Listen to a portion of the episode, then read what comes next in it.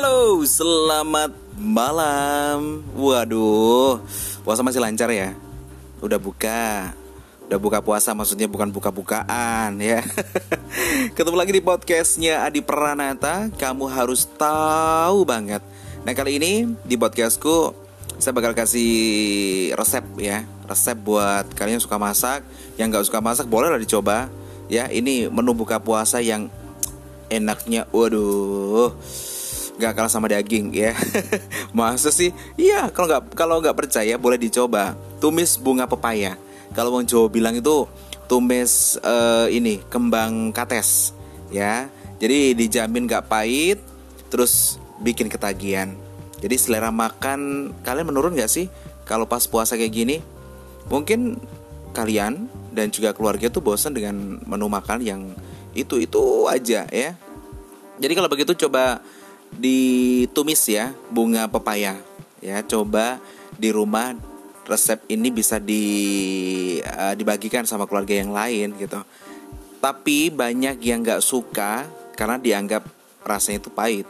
Ternyata ada tekniknya sendiri nih guys ya. Memasak yang dijamin akan mengurangi sensasi pahit dari getah bunga pepaya.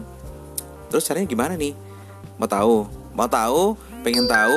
Atau tahu-tahuan aja. Jadi kalau pengen tahu atau penasaran bagaimana caranya biar bunga pepaya kalau ditumis itu nggak pahit, saya bagikan buat kalian ya. Resepnya dan cara memasaknya yang bisa dilakukan sediakan dulu dong bahannya. Bahannya itu cukup 500 gram bunga pepaya itu, terus 10 butir bawang putih, jangan lupa diiris. 15 buah cabai rawit. Kalau kurang pedas bisa ditambah 25 50 sampai 100 nggak apa-apa ya.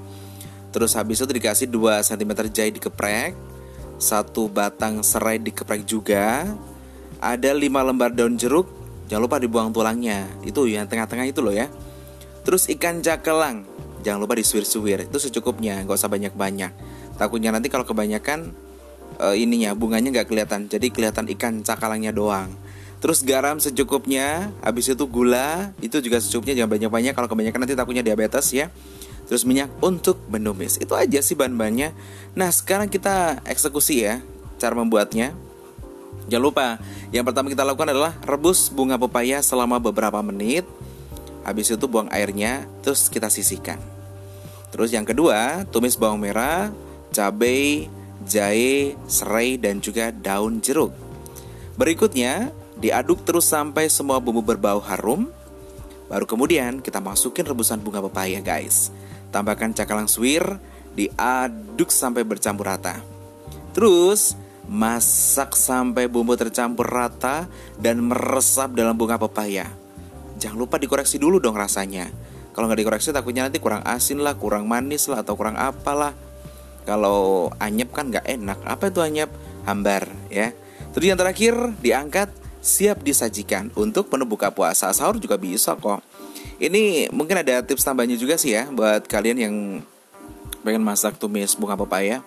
Rasanya nggak pahit dijamin endul dul dul dul.